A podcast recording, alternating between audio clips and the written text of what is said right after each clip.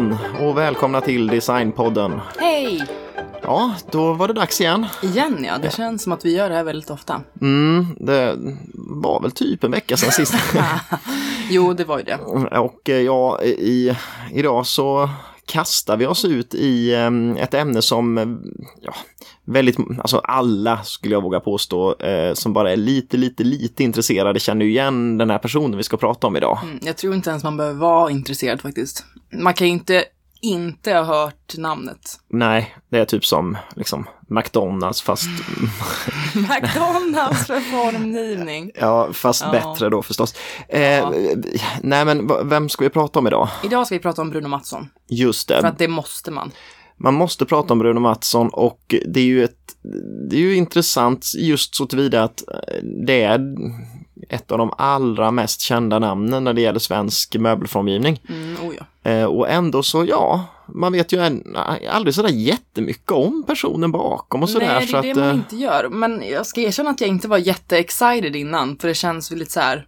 väntrummet på Socialstyrelsen så här. Ja, men lite, för jag är inget jättefan heller av, Nej. av grejerna. Men Och, och då, eh, ja, men samtidigt, det, det är ju verkligen en person vi måste ta upp. ja, ja, och det var mer intressant än vad jag trodde. Ja, ja men absolut. Så att eh, ja, vi ska kasta oss in i veckans eh, avsnitt. Och vi som pratar heter alldeles som vanligt Sanna och Andreas. Och nu kastar vi oss in i Bruno Mattssons underbara värld.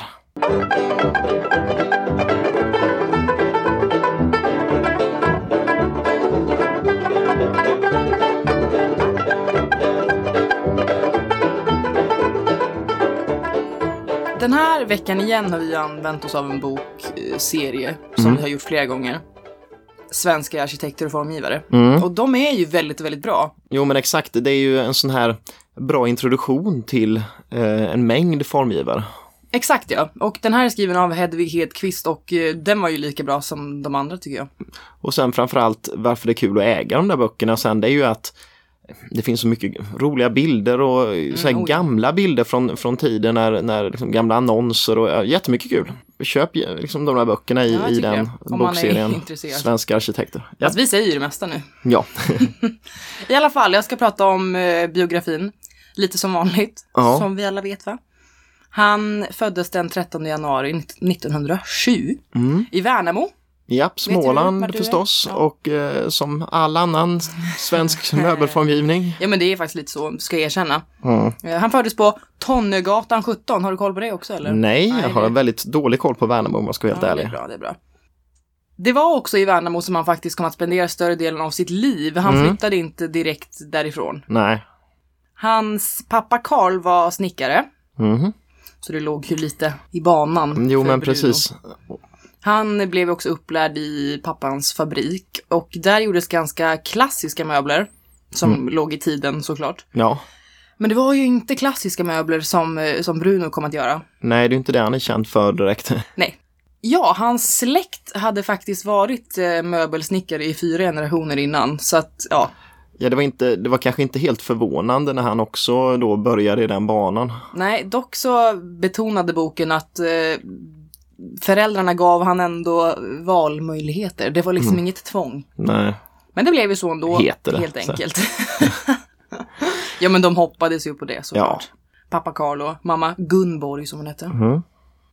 Och Bruno var ganska tydligt inte en akademisk typ. För att han hoppade av eh, skolan redan innan han slutade gymnasiet. Ja.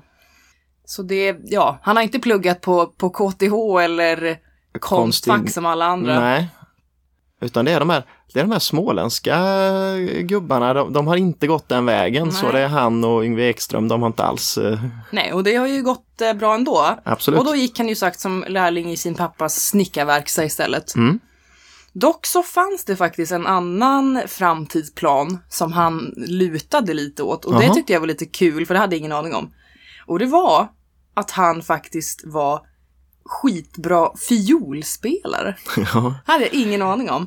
Men då känns det ju lite som att Ja, det kanske är kul, men, men kan man, eller liksom hur, hur lever man på det? Ja men det var väl det kanske som ge sig ut som Rasmus på luffen liksom och spela för en kronor på torg och sådär. Men det är ju lite svårt. Ja, nej men så det var väl antagligen därför det inte blev så. Sannolikt va? Men ändå någonting jag absolut inte visste. Mhm. Han var också duktig tecknare Mhm. och började rita skisser av egna möbler ganska tidigt. Han tyckte dock att hans inspiration var väldigt begränsad där i Värnamo och det var ju väldigt klassiska former som han inte tyckte var så. Alltså spännande. Roliga. Så att han kontaktade Röhsska museet i Göteborg Mm. och det återkommer ju också ofta. Röhsska Väl- museet alltså. Precis. Och han frågade om han fick låna litteratur om modern formgivning. Och det fick han i alla fall. Mm. Så att eh, Värnamo bibliotek blev så här mellanhanden. Så fick han bara gå dit och läsa eh, vad han ville. Eller han var inte jättegrym på att läsa tydligen, men han eh, kollade på bilderna och lärde sig mycket om, ändå. Jo, Och mycket han eh, läste eller kom i kontakt med handlade ju om eh, Bauhaus. Mm. Det känns ju som att Bauhaus och den typen av liksom, funkismodernismen var väl det som liksom eh, måste inspirerat honom enormt mycket under den perioden. Ja, det verkar ju så. Lika Le Corbusiers idéer om sittandets mekanik Mm. inspirerar honom väldigt mycket. Just det. Och tydligen låg det i tiden det här med liggstolar, för att det var så liksom hälsoinriktat, bla bla bla. Så att ja, Jo, men eh, allting baseras väl lite på det här liksom hur man sitter bäst. mm, för att, precis, ja. för att det skulle vara ergonomiskt och Mm. så fantastiskt. Och det går ju lätt att dra paralleller med ja, men Alvar Aalto och många andra som Mm. har jobbat på precis samma sätt. Och, Oh ja. Tydligen den här hälsosamma livsstilen eh, påverkade också möblen med att de inte skulle vara att det inte skulle vara tjocka stoppningar, för det var inte hälsosamt, för där samlades det en massa bakterier. just det, precis, det skulle vara en liksom, sadeljord och sånt istället Ja. och inte en massa hemsk stoppning i tagel Precis, som ja. samlade upp. Kan det gömma sig saker? Ja. 1930, i- det var lite innan han provade allt för moderna former Mm. i sina möbler, så vann han faktiskt ett stipendium av Värnamo hantverksförening Mm. för en barockstol han gjorde. Ja. Så ja, det var kul. 30 spänn ja, men det var nog inte så illa då. the price. Och för de pengarna, då reste han till Stockholmsutställningen 1930 och det vet vi ju alla hur den var. Just det, och, men gud vad viktigt det här stipendiet var Ja, då helt plötsligt. För att eh, hade han inte åkt till Stockholmsutställningen så kanske han inte hade tagit den inriktningen. Nej, antagligen Det är ju inte. det som är kul med de här små anekdoterna som faktiskt kanske påverkade fruktansvärt mycket Eller hur? Att de här 30 spännen han vann, det gjorde så att han kunde åka dit. till Stockholmsutställningen och då fick han se eh, liksom det moderna formspråket Ja. som fanns där. Ja, vi har ju haft ett helt avsnitt om det eh, Om som man Stockholms... kan Ja. lyssna på. För att vi orkar inte gå in på vad han såg där. Men eh, troligen så blev han mest påverkad av en stol i sadeljord av Axel Larsson. Mm. Som är ganska så här snarlik. Jo, men det, det, man förstår ju att, att han har inspirerat väldigt mycket där när han Mm. tog fram sina första stolar. Hans första sådär funkisstol blev ju då den så kallade gräshoppan. Mm. Som den tydligen kallades av eh, sjuksköterskorna på det här Värnamo lasarett som det gjordes för. Exakt. De tyckte inte om den speciellt mycket. Nej. Och den ritades väl just dit. 1931. Mm, och det är ju det är väl hans första liksom eh, så i produktion va eller? Som, som Mm. ja, jag gjort vet, till jag något projekt. hittar inte antalet så, men det var ju... Han liksom typ tvingade sig på dem tror jag. Mm, Ja, eh, var det inte så att de inte hade dem där så länge heller? Nej, precis, precis. De gömde undan dem på vinden Ja, på lasarettet på eh, för de Det var liksom inte. inte så bra för patienterna att ha den där liksom lutningen. Eller Nej. det var väl fan svårt att komma upp. Pappan hade ju då en eh, snickarverkstad. Ja, i Värnamo. Ja, precis. Men eh, den var lite för begränsad för Brunos nya konstruktioner.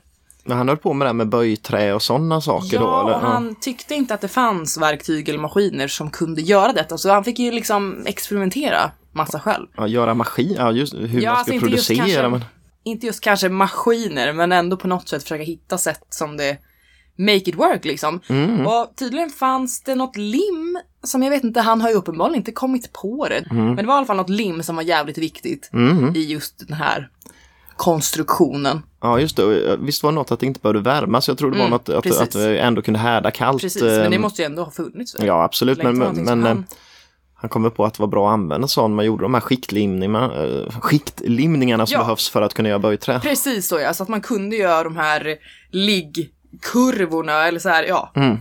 Och eh, han kunde ju variera dem i oändlighet. Alltså helt liggande eller så här vilstol eller arbetsstol. Så liksom, ja, den kunde ju vara hur fan som helst. Mm. Och sadeljord var ju då det han gjorde Det var de standard, standardutförandet där. Precis, och det var ju först gjort av hampa. Mm. Och sen under eh, kriget så blev det faktiskt gjort av papper. Mm. Jag vet, det finns ju en del stolar som är producerade, men väldigt få är ju hela för att det är ju inte ett beständigt material på samma sätt. Nej, men ändå så stod det faktiskt att det fungerar så pass bra att de använde det långt in på 50-talet. Mm. Kanske ett billigt alternativ också. Ja, det var det ju. Och eh, pappret då byttes ju till sist ut eh, till lin. Ja, och det är ju ett slitstarkt naturmaterial som säkert är ja, optimalt på något sätt till den Precis. typen av material.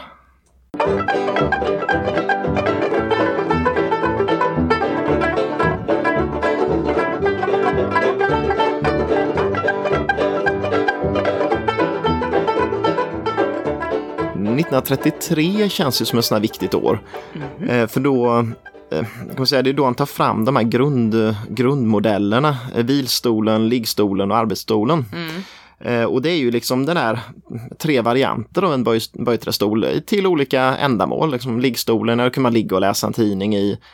Eh, ja, i princip vilstolen ska man också ligga liksom, men vara mer, mer, mer vaket tillstånd om man säger. det är det, det är graden av vakenhet Jo, men det är ju lite så. Och sen arbetsstolen vet jag inte för det är lite missvisande tycker jag. Eh, För arbetsstolen, eh, det är ju egentligen mer som en besöksstol eh, idag och det är ju den som blev Evan Mm, senare. Eh, Ehm, men den hade inte armstöd på den tiden. Ehm, och eh, han inser ju ganska snart att eh, de, alltså, när man tar fram de här nya stolarna då fungerar det inte att ha samma bord som man hade förr. Nej, såklart, när man ligger ner. Nej, för hur ska man, hur ska man nå då om man Ja, vill ha kaffekoppen och på? Så då krävs det ja, bord i olika höjder. Det är också smart, för då får man ju kunderna att köpa mer. Precis. Clever. Så han tar fram en bordserie också då eh, som finns i tre olika höjder och med eh, lite olika skivor och så. Mm. Och eh, de borden säljs fortfarande och heter Annika idag. Var Men det det, jul? eh, nej, det har de inte. utan det, det är så formböjda ben ner bara. Ja. Mm. Och själva tanken med dem var också att de, när de fanns i olika storlekar kunde man ha dem som satsbord och skjuta i dem i varandra Jaha, när man mm. inte hade med dem. Och en annan sån där multifunktionsmöbel som kommer väldigt tidigt, eh, då några år senare, 1936, det är mm, eh, det här eh, slagbordet Mm, som det. kallas Maria Flapp idag. Och eh, det, har man inte sett det så, om man ska beskriva det lite kortfattat, det är väl liksom som, det kan ju göras från sådär 20 cm brett till 2,80 långt.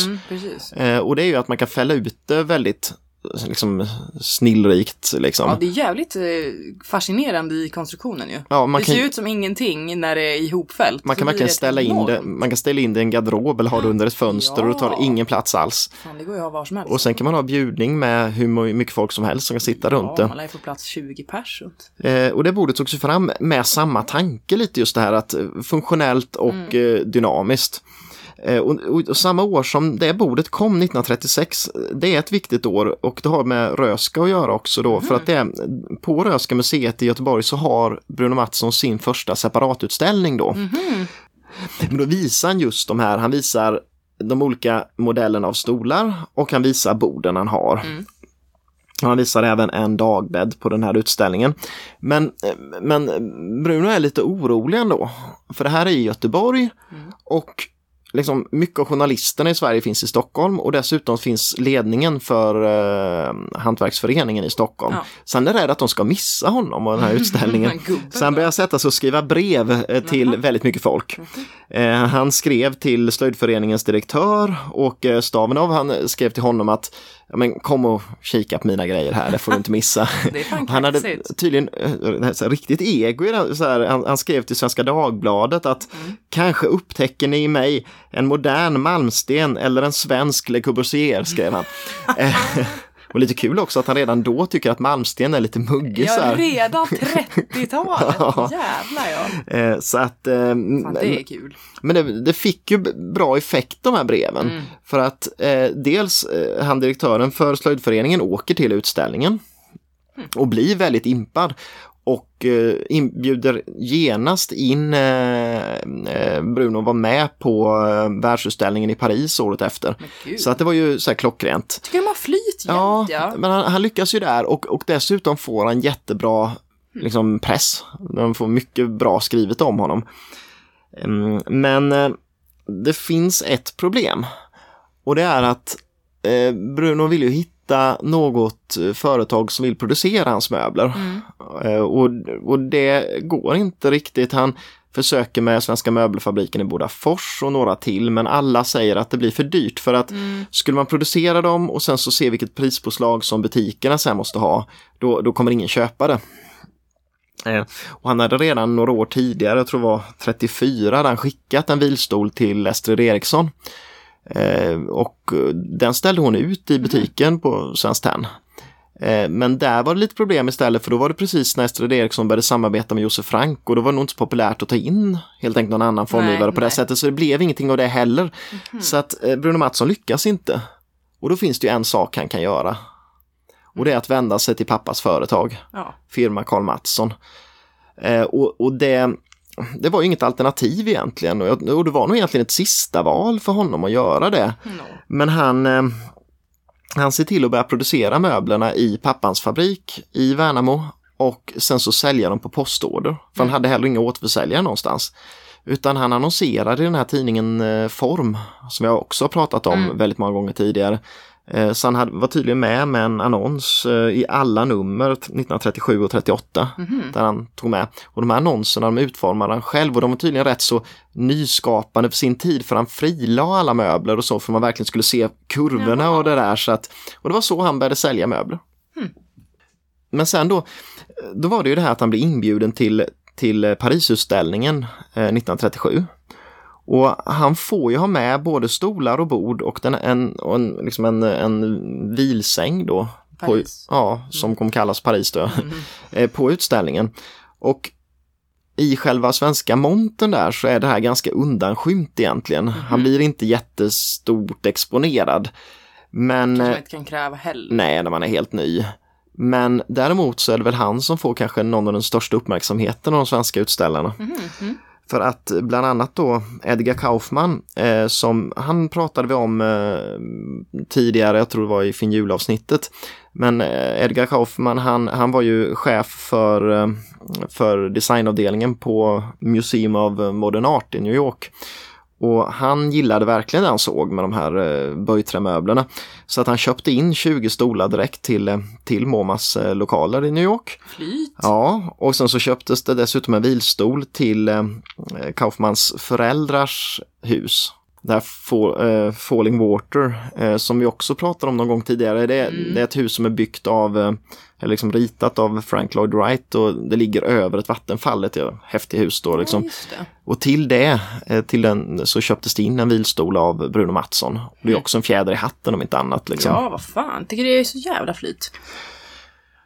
Och på något sätt, det, det var ju flera av de här liksom, viktiga namnen i, i formgivningsvärlden som eh, verkligen uppskattade när de såg av de svenska böjträmöblerna.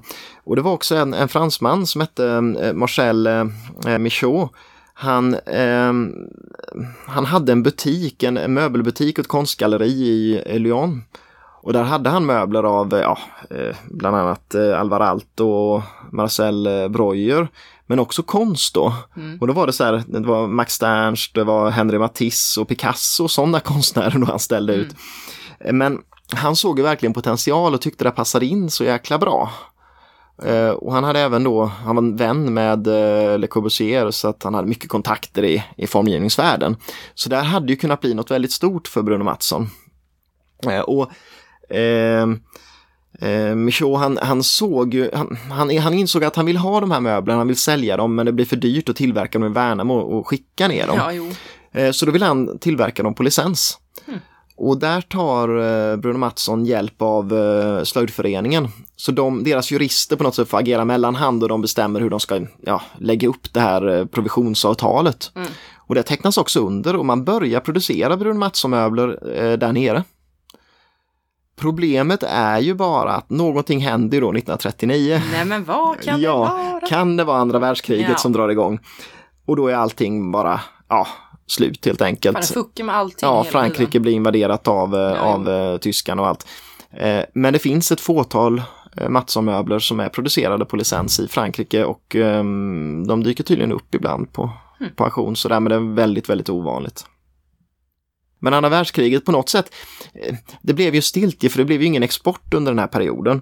Eh, utan eh, Mattsson han säljer ju möbler på postorder i Sverige och, och liksom bygger upp en kundgrupp och gör sig ett namn. Men det är också lite en sån här lugn period så han har möjlighet att utveckla massa nya möbler. Mm. Eh, och han, dels vidareutvecklar han sina stolar. För att det kommer mer och mer, liksom, folk vill ha armstöd eh, visar det sig då. Och det är inte helt konstigt, om inte annat om man är lite äldre, du kommer inte upp ur en sån här stol om du inte har armstöd. Så att- sant. 1941 så designar han eh, armstödet som sen, det här böjträ-armstödet som kommer att användas i alla år sedan. Eh, och det eh, liksom är väl en av de stora vidareutvecklingarna som görs av, av eh, böjträstolarna. Han gör även en hög variant av, eh, av Evan där, eh, just för äldre publik som Mm, skulle då det. kunna sitta Den bekvämare. ser lite löjlig ut. Ja, den är lite konstig. Den, Så där långt ryggsätt behöver väl inte Nej, människa? nej. Nej. Och sen görs några andra så här, möbler under den perioden också. Då. Det är eh, bokhyllan som heter T403 men det är en sån här konsolbokhylla. Mm. Eh, han tar fram en bokvagga just för att man ska kunna sitta i stolen och ändå Mm, nå det, böckerna som är vinklade lite snett upp mot den som ska ta dem. Och även en T-vagn eh, på hjul då med två klaffar. Så man ska kunna rulla fram till fåtöljen och sitta och dricka te Precis. så en sån här ko- multikombinationsmöbel. Och sen tänker han också redan här att ja, man ska göra kontorsmöbler för liksom det eh, ergonomiska kontoret.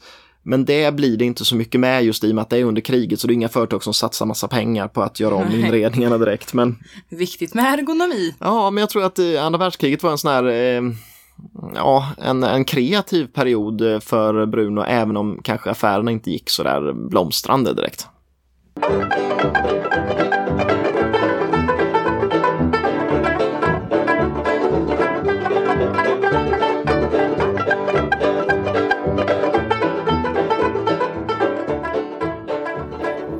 Bruno var enda barnet Aha. i sin familj och det står i boken att han var den favoriserade enda sonen och det låter ju verkligen som att han var en bortskämd skitunge liksom. Ja. Och han bodde hemma väldigt länge. Men eh, när han etablerat sig lite grann, då flyttade han från eh, föräldrahemmet. Ja. Men han flyttade inte så långt, han flyttade till eh, Toftaholms herrgårdspensionat, vilket är väldigt random på något sätt. Han flyttar inte till någon lägenhet utan till ett pensionat. Ja, Ja, det är gött kanske men jag vet inte. eller hur? Men det, är ju skumt. Ja, jättekonstigt. Och där bor han i alla fall länge också. Och 1943 kommer en DN-journalist och hälsa på honom där. Mm. Och hon eh, hette Pernilla. Aha, ja. Och tydligen eh, gick ju det mötet så pass bra att han döper en fåtölj till henne. Och det är ju kanske hans mest kända efter Ja. Evan då. Om inte. Vilstol med armstöd. Ja. Året innan, alltså 42, då hade han faktiskt träffat en kvinna på det här pensionatet som eh, heter Karin Mm. Svärd. Hon var från Göteborg. Hon skulle bo där på pensionatet i några veckor. Hon Ja. var på genomresa. Mm. Och de kom att umgås väldigt mycket. Så pass mycket att de blev ett par och gifte sig på hösten 43. Ja. Och de bodde kvar, det här är ju det mest beundransvärda. Men de bodde alltså kvar på det här pensionatet i 19 år. Men gud. Och då Ja. vet inte jag hur långt innan han hade bott där riktigt heller. Nej, men det verkar som att han bott sig 25 år på det Ja, här men det pensionatet. så. Ja, det, det tycker jag är helt sjukt och det visste jag verkligen inte. Nej. Nu kommer vi in lite på arkitekten Mm, precis, för att eh, det är ju något annat stort där som Ja, man måste det är nämna. ju något man inte heller riktigt vet så mycket om, eller inte jag i alla fall. Nej, Men tydligen så såg han det som en självklarhet att han skulle rita hus till sina möbler. Ja. Att det blev liksom en helhet. ja, men det en var helhet Bruno Mattsson. Nu hade han möblerna, nu ska de stå någonstans också. Så. Precis, va. Och eh, Stockholmsutställningen igen var ju den största inspirationen och då vet vi att det var, det var funkis. Mm. Problemet han hade dock, det var att hus eh, kräver ju bygglov först och främst och så kräver det ju ofta en formell utbildning också som han uppenbarligen inte hade. Nej, Men eh, han var determined och det stoppade inte honom. nej. Och det första huset han ritar var ett fritidshus på 72 kvadrat. Mm. Alla rum var utformade så att uteplatsen var tillgänglig från Jaha, så man kunde gå ut till uteplatsen från alla rum och då så ja, kunde alla ha tillgång till den på samma sätt. Mm. För det ja. var fokuset på det här hälsosamma och Ja, och, och återigen lite det där med ute och inne och det där som, i, som idag alla arkitekter tjatar så mycket om. precis så. Samtidigt så växte möbeltillverkningen ganska grovt där i Värnamo och eh, tydligen exporterar de till USA och England till och Mm, med. exakt. Sortimentet utvidgades ju också hela tiden som du Mm. lite var inne på. Jo, men exakt. Och det var tydligen en pall som hette Anna, Mm, som hade så kluvna ben, ja. som han var så jävla nöjd med. Mm. Så han eh, snackade lite med Edgar Kaufman. Mm, mm. Han ville liksom spread the word att den här pallen är fantastic. Va? ja. Så, så det gjorde han. Undrar förresten om varför han döpte alla grejerna till kvinnonamn. Måste, jag måste fått en idé att göra det bara, för det håller ju i sig inte konsekvent, men ändå ganska länge. Äh, liksom Men genom- nästan fan. Ja, det måste ja. vara en stor procent. Som är döpta till kvinnonamn, ja. Var det någon tjejtjusare kanske? Det Ja, vet jag inte. ja. Hon Pernilla där, du, fasan till Nej, exempel. vadå, som, vad, hur fan bra gick det mötet? Fast han var redan gift då ju. ja. Eller i alla fall typ, skitsamma. Ja. Kontakten med Kaufman inspirerade Bruno och Karin så pass mycket att de reste till USA. Mm. Det måste man ju. Ja, precis. Då måste man dit och Mm. lansera sig själv. Precis, och från december 48 till våren 49 så var de där. Och det var Brunos första långa utlandsresa, inte konstigt skulle jag säga. Nej, Fan liksom.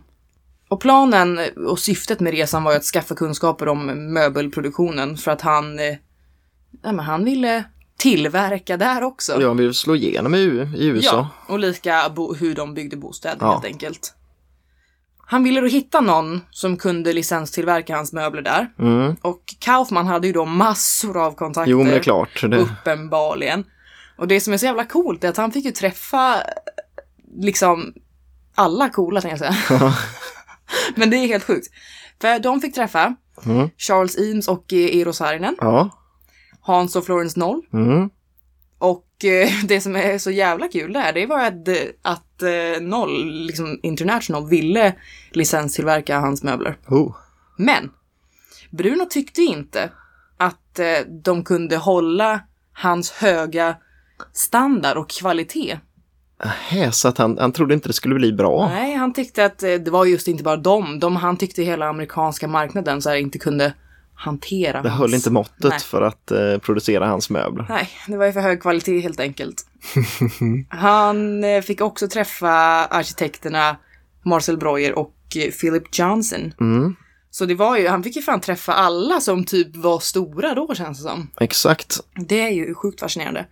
I början av resan då kunde han uppenbarligen inte så mycket engelska. Nej, det gjorde han inte va? För att Nej. han var inte alls utbildad på det sättet. han var ju inte det, han hade Nej. fan inte gått ut gymnasiet.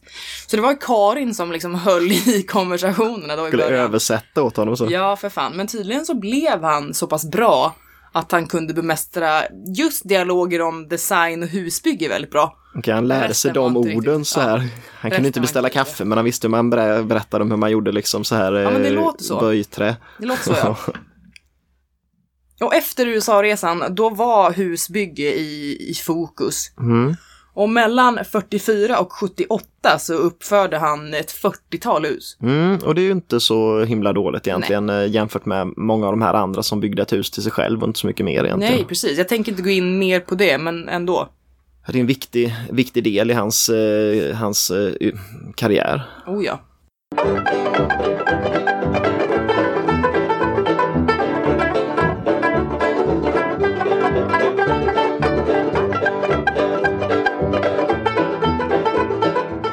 Och sen måste man ju komma in det här, eh, på det här med eh, superellipsen. Och och liksom, eh, för allting, det var i början av 60-talet just som Bruno Mattsson besökte Piet Hein i Köpenhamn. Och eh, Piet Hein hade precis då ritat eh, en lösning till hur trafiken skulle flöda runt Sergels torg i Stockholm. Jaha, men gud vad Eh, random. Ja, det var det. Han, han tog fram superellipsformen för att vara det bästa sättet att få ett flöde runt torget. Eh, och det är det man har kvar då. Vad spelar det för roll om det är runt eller ovalt? Mm, tydligen var det för att minska, ja det har något med eh, flödet och få det Ja, att ja, mm, vara optimalt. Men det är väl inte ovalt vid Sergel? Eh, runt är det så. Okej. Och då eh, så eh, var det väl helt enkelt så att Bruno Mattsson såg eh, den här skissen då som fanns eh, och eh, då insåg Bruno Mattsson enligt Ja, enligt sägnen i alla fall om det här att, att det här är ett bra sätt att göra ett bord på också. För att få bort de vassa hörnen och det kan vara maximalt antal personer som sitter runt det. Mm. Men okej, så att samarbetet, för jag har aldrig fattat det riktigt, så att Nej. samarbetet är på något sätt att formen och tanken var Piet Heinz. Ja, alltså formen superellips har Pietine ritat och det är det ingen tvekan om så att säga. Okej. Men det är väl där egentligen ingen tvekan om slutar, om man Ja, säger okej. då va. Mhm. För att eh, de sitter och pratar där och eh, tänker att det vore kul att göra ett bord av det här och få bordsskivan att kännas som den svävar. Mm. Eh, och då, då är då tanken om de här spännbenen, för eh, både Pietine och Bruno Mattsson ska tidigare individuellt ha jobbat med någon spännbenslösning. Jaha. Och sen är det ju även det här med Nisse Strinning och vill Ja. man veta mer om, om det här, som, vi gick in lite mer djupare på det här med spännbenet och Men hur var kontroversen. han i tid då, Nisse, till... Nisse var ju före egentligen. Han var va? det? Mm. Men eh, det var ju egentligen ganska många även från Bauhausskolan och så Ja, som hade jobbat med spännbenslösningar. Eh, men här, ja både Pietine och Bruno Mattsson, även om det där väl är Bruno Mattsson som gör det mesta jobbet kring spännbenet då, får man väl ändå lov att säga. Men tanken är att ta fram då det här bordet, superellipsen, och göra det som ett gemensamt projekt mellan Pietine och Bruno Mattsson. Mm. Så båda står som formgivare på bordet. Ja. Och det gör de än idag. Yes. Eh, och det här innebar också att eh, Bruno Mattsson eh, Ja, han ser att det här är ju kanske inte klockrent att producera i hans pappas firma Carl Mattsson. Nej. Utan då startar Bruno Mattsson företaget Bruno Mattsson International. Och det gör han tillsammans med en, en eh, Henry Tillander som, som han har jobbat väldigt länge med. Mm. Så de startar Bruno Mattsson International och ska börja producera superellipsbord där. Och tanken är att, att själva produktionen ska ske hos underleverantörer och sen så själva företaget är det som har hand om, eh, liksom om logistik och försäljning. Mm. Och superellipsbordet presenteras första gången på Liljevalchs på en utställning som heter, hette då Form och fantasi 1964. Och det blir ingen succé. Nej. Det är liksom, de första superellipsborden hade en palisanderskiva och det var tydligen inte rätt i tiden just 1964. Och dessutom hade ju då Nisse Strinning med också ett, ett spännbensbord på samma utställning. Nej. Eh, så att det blev liksom ett bord i mängden på något sätt. Jaha. Men året efter, 1965, då, då arrangerar Nordiska galleriet en utställning med eh, bland annat eh, superellipsbord och då slår det igenom riktigt stort. Okej. Men det här det blir lite fel va, för att eh, Piet Hein befinner sig i USA under den utställningen så att han är inte med alls. Och i efterhand så tycker han att eh, Bruno Mattsson har tagit åt sig äran för det här helt och hållet. Eh, Så att eh, strax därefter så säger han upp det här avtalet de haft tillsammans och det startar en liksom infekterad rättstvist om eh, vem eh, har formgivit bordet och eh, vem ska få producera det. Och det blir ju en förlikning som slutar med att, att eh, Bruno Mattsson International får tillverka det i Sverige och Fritz Hansen får ju producera samma bord i eh, Danmark. Och de här borden skiljer sig lite åt faktiskt när man tittar på dem. För att det svenska bordet har ju, dels är ju som benfästet är infällt i skivan Mm. och sen så har ju de kallar det tror jag så här fyrklöversbeslag men det, det är som en liten klack eller så på, på spännbenet längst ner Ja, på de svenska borden medan det inte är så på Fritz Hansen-borden. Mm. Och sen så är ju Fritz Hansen är ju de enda som har gjort med laminatskiva och sen så en aluminiumkant på.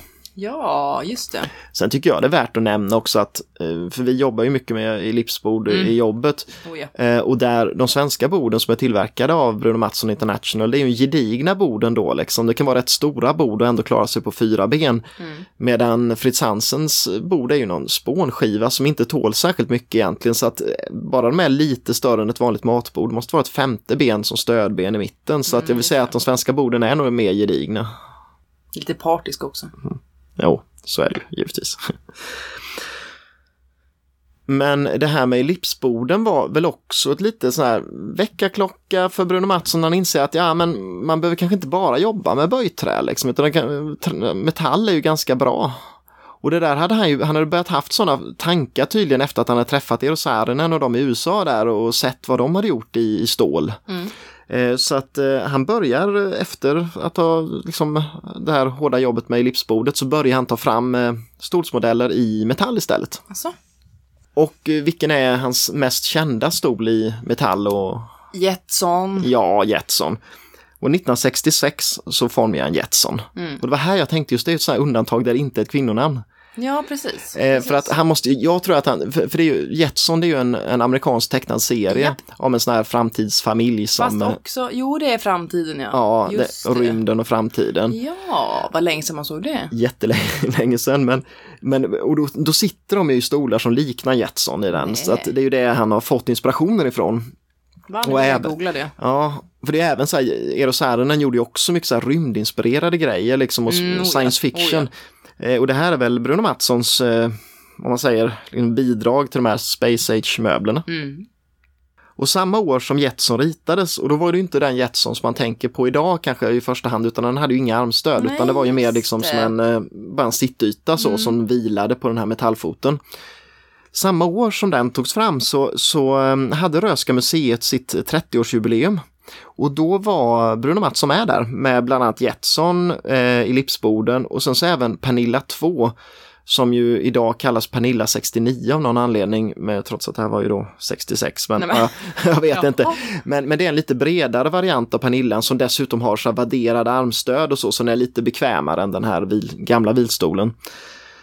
Och det som händer på Röhsska museet är att Erik Ljung, eh, som var chef för Dux, han börjar prata med eh, Mattsson om att skulle man inte kunna göra ett, ett, ett samarbete på något sätt.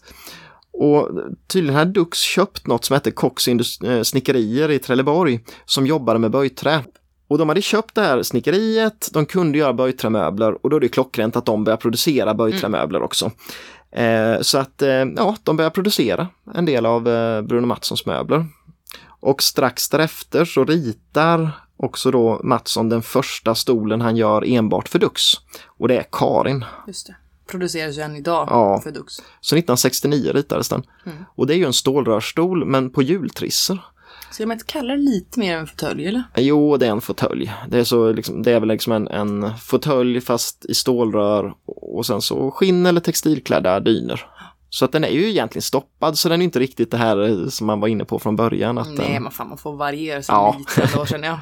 men blev ju ändå en, en enorm storsäljare nästan direkt. Och det berodde väl lite på också att Dux hade ju så inarbetat eh, kontaktnät och de hade dessutom det här som Bruno Mattsson inte hade lyckats med själv, men det var att nå ut till företag. För då köpte de redan från Dux och då blev det ju naturligt att de började köpa Bruno Mattssons grejer också då. Såklart. Så att det där var väl ett genidrag på något sätt. Och det som också har hänt är väl lite där att, att firma Karl Mattsson har blivit lite föråldrad. De hade inte ens lunchrum tydligen. För att när det ritades då så um, var Bruno Mattsson som hade ritat lokalerna där men, men då, då cyklade man ju hemåt. Ja, då fick man ingen lunch. Men sen då på 60-talet då blir det arbetsmiljölagstiftning och de får så här prickar på sig för att de inte har lunchrum och Mm. det är andra saker som inte heller uppfylls. Toalett. Ja men typ, men det var väl liksom, det fanns inte tillräckligt, var, arbetsmiljön var för dålig. Ja, ja. Så att resultatet blir att ganska snart efter det där i början av 70-talet någon gång tror jag det var så, så lägger han ner produktionen i firma Karl Mattsson Mm. och flyttar över nästan alla de möblerna till Dux istället. Okej.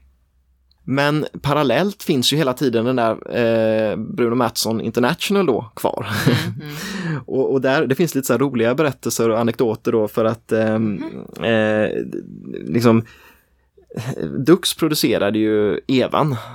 Och Eva vet ju många hur den ser ut, liksom det är en sån här Ja. enkla karmstolen liksom med, sadeljord Inte ofta. jättekul. Nej. Men då ritade Bruno Mattsson en, en stol som han kallar Mina. Och den ser ut exakt som Evan men har en lite annan konstruktion längst fram. Idag förväxlar många de två för att de är ju väldigt snarlika. Ja, jag tror inte att jag riktigt vet. Nej, om man, om man googlar dem så ser man knappt skillnaden innan man liksom börjar kolla på detaljer. Och det gjorde ju inte han den här Erik Ljung så glad för helt plötsligt så producerar Bruno Mattsson International en stol då som är nästan en exakt kopia av deras Eva och så konkurrerar de med varandra så här. Var Så inte det onödigt? Jo men tydligen var det så, Bruno Mattsson tänkte inte så mycket på kanske det här med ja, patent och med liksom... Var inte så kinkigt Nej, han ville, det var ju smart, nu går det att göra den sån. För tydligen ville han göra Eva en sån från början men man var tvungen att dela upp sitsen på ett annat sätt för att det fanns inte sån teknik då helt enkelt. Mm. Men det, det, han var nog inte så lätt att göra med alla, alla gånger då på Nej. grund av sånt där. Bortskämd som man var. Jo, men typ va. Och ehm, eh, ja, Bruno Mattsson dör ju 1988. Eh, och det, det man kan tänka på idag, för idag produceras ju hans möbler av både Dux och Bruno Mattsson International. Ja. Och, och orsaken till att uppdelningen ser ut som den är idag, det var en, man gjorde en uppgörelse 2003 där man bestämde att Dux skulle producera de modellerna som enbart var ritade för Dux. Mm. Och det var Jetson, men inte, inte den här ursprungliga Jetson utan eh, den här Jetson med armstöd som är den där storsäljaren då va? Ja. Eh, och även Karin då på jultrisser och det var Pernilla 69 eh, Däremot så skulle Bruno Mattsson International producera övriga modeller. Och de producerar ju till exempel Jetson, eh, den gamla varianten. Så att det är ju de som producerar den gamla. Ja, och. Dux producerar Well, den klassiska. confusing. Ja, det är ju lite rörigt men eh, det är väl fortfarande enorma storsäljare många av de här modellerna. Mm. Och det ska vi gå in lite på. Ja.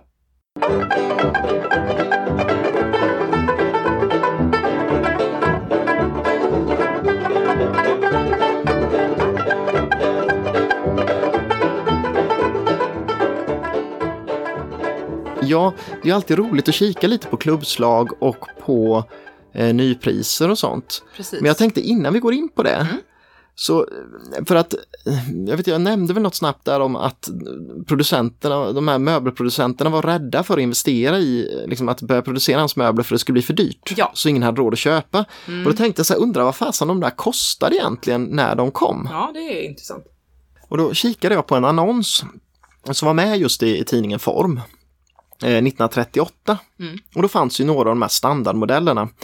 Eh, och då fanns bland annat Eva utan armstöd då, som kallades arbetsstolen från början. Ja. Eh, och eh, 1938 kostade den 40 kronor i originalutförande. Och går man in på någon möbelproducent idag, jag tror jag gick in på antingen var det Svenssons eller eh, Lennas hemsida, men någon av de här möbelbutikerna Mm, som har mycket bra designmöbler. Ehm, då kostar den 8600 kronor idag utan armstöd. Och jag tänkte undra, om man jämför de här 40 kronorna. Så, så jag gick in och kollade på någon sån här, det var, jag tror det är Riksbanken, någon som har någon sån här omvandlare. Eh, och då kom man fram att 40 kronor 1938 motsvarar 1203 kronor idag. Mm. Så att, ja okej, eh, 1200 spänn kostade eh, den här arbetsstolen. Inte så farligt. Men då såg jag en liten brasklapp som fanns i det här, eh, eh, liksom i den här när man- valutaomvandlaren då va. Att man ska också ta hänsyn till vad man tjänade. Eh, För att de där 1200 kronorna, det, det hade mest att göra med liksom vad, vad kan du alternativt annars köpa för pengarna? Liksom, hur mycket liter mjölk får du för den här arbetsstolen? Men om man kollar istället vad man tjänade och hur många arbetstimmar man var tvungen att jobba för att ha råd att köpa en stol. Då kostar den motsvarande 6600 kronor, så den är plötsligt betydligt dyrare. Ja, jävlar ja. Så då är vi nästan uppe i vad de kostar idag. Mm. Oh, ja. Och eh, samma sak gäller ju alla de här då, så att bord Annika, det här lilla sidobordet, eh, kostade 35 kronor i eh, ett av utförandena. Eh, samma diameter på bord kostade idag 4 7. Eh, på den, med den tidens valuta skulle det blivit en tusenlapp om man bara har den vanliga valutaomvandlingen. Men om man räk- tar hänsyn till löner och sånt så kostar det 5 796 kronor. Så det är också mycket pengar, så det är klart de var rätt dyra faktiskt. Eh, vilstol 36, den här klassiska vilstolen, eh, enklaste utförandet, kostade 45 kronor 1938 och det motsvarar då antingen 1300 då, men om man ska vara mer realistisk så motsvarar det 7450 kronor då är i förhållande till vad folk tjänar. Så att det är klart, med tanke på att det var liksom en sån lite orolig tid och så, så ja, det är klart att det var inte, det var inte alla som hade råd att köpa dem helt enkelt. Helvete heller. Så att ja, ungefär, det är ju lite intressant egentligen, men ungefär kostar de samma Ja, som de kostar idag. Mm. Ja. Klubbslag ska vi gå in på som vanligt. ja, precis. Och eh, måste ju ändå först säga att vanligast på auktion är ju ellipsborden. Ja, I alla olika jävla utföranden. och jag tror det beror på väl just att så mycket företag har dem. Mm. Alltså det är ju, även om de finns i varenda Hemnet-annons så är det ju ändå så att typ varenda stort svenskt företag har ja, 50 lipsbord. Ja. Därför tänker jag inte ens gå in på vad de brukar gå för. för Nej, det beror ju nej. ber- bara på storlek, utförande, allting. Ja, Men det är det vanligaste. jo men precis. Annars är ju Jetson jävligt populär. Och har, visst har den blivit ännu mer populär på senare år tycker jag. Ja, alltså jag var tvungen att kolla lite bakåt i tiden också. Och jag hittade ett klubbslag 2015. Mm. Eller nej, det var inte bara ett klubbslag. Det var lite så överlag. Så brukar den gå mellan 5 och 8 tusen ungefär. Mm. Och så här, ja, jo. Det var ju helt okej. Ja, helt okej. Men idag, alltså det var bara någon vecka sedan så klubbades en för 15 000. Mm. Och en annan för någon månad sedan för 16 000. Dock var ju den då nyproducerad. Ja. Men ändå. Jo, men det känns ju som att eh, det är inte ovanligt att du får ge 15 000 plus provisioner idag för en, eh, en begagnad Jetson på auktion. Precis nej, för att man ska ju alltid komma ihåg när jag säger de här klubbslagen, då är det ju exklusive provisionerna. Så på auktion folk får betala över 20% till. Ja. Sen den här då, Pernilla. Nu har jag inte riktigt tagit hänsyn till den här olika... Varianterna på, nej. Men där var ju prisbilden så jävla spridd ändå. För jag Mm. hittade en som hade gått för 300 spänn. Men också så en som hade gått för 8,5. Och det beror ju också på utförande och alla sådana detaljer. Men Jo. om det är fotpall eller inte. Men ändå. Mm, en väldigt spridd prisbild och väldigt beroende på ett bra skinn på en Pernilla och den kostar väldigt mycket. Mm. I smutsig, fläckig canvas och lite knäckt trä så Precis. får du den nästan gratis. Så. Exakt, exakt. En av de dyrare möblerna på auktion är ju då det här eh, slagbordet Maria Mm. Flapp som du pratade om. Just det. Och eh, det går ju oftast mellan 10 och 25 000 ungefär. Mm. Och det, det, är, det, det är det ju värt. Ja, och det är väl också så här beroende på utförandet. Alltid beroende på utförandet. Ehm, det finns ju ett lite exklusivare i palisander Mm. som är inte sagt vanligt och det brukar kosta i det högre spannet där och sen så om det är lite fläckar och skador kan man nog få det neråt 10 men under det tror jag sällan att det ja, går. nej, jag tror inte att jag hittar riktigt något ut under det. Nej. Fåtöljen eh, Karin då, Mm. som du också snackat om, har också haft en stigande prisbild. Ja men visst har den det. Ja, jag hittade, det här var ganska tydligt till exempel, men 2011 så gick två stycken i, i skinn Mm. för 4 500. Mm. Två stycken. Ja, det är ju billigt. Och 2015 så gick också två stycken i skinn för 13 000. Ja. Så det är ju, En, klar det så här, är liksom prisökning. trippelt. Hittade också en 2015, alltså bara en som gick för 8 000. Så att Ja. eh, två stycken för 4 500 2011. ja, det, Eller en för 8 2015. ja, det... Så det är ju... Jo men det har väl gått upp. Dyrast ever Mm. är ju alltid roligast. Ja men precis. Tycker jag. Har du hittat någon sån här topp? Ja. Och det var faktiskt eh, superellipsbordet som gjordes 64 har jag skrivit. Sa Ja, du? 60 Du sa 64? Jo, det var på den här första utställningen 64 var på Röska. Mm, precis. I Palisander, det var typ fyra meter långt. Ja. Och det såldes på Philips i London 2011. Mm. Och då hade de satt ett utrop på 100 till 170 000. Mm. Men det klubbades för 360 000. Ja, det är ju ja, det är ju fantastiskt för ett ellipsbord ändå. Mhm. Ja, för ett ellipsbord är ju ändå ett ellipsbord liksom. Ja, Palisander eller inte. Fine Ja. att det var en jävla bra ålder på, men men ändå. jag är ju lite allergisk. Men det är det högsta. Man Det är det hittar- högsta jag hittade. Ja, Bruno precis. Hansson. Ja. Sen var det ett till ellipsbord och en, en sån här Paris-dagbädd som Mm. har gått för över 200 000 också. Mm. Så just nypriser då är ju värt att ta upp också eftersom att de faktiskt eh, producerar mycket än idag. Ja, förvånansvärt mycket modell. Till och med den där bokvaggan fanns i nyproduktion såg jag någonstans. Så det är ju...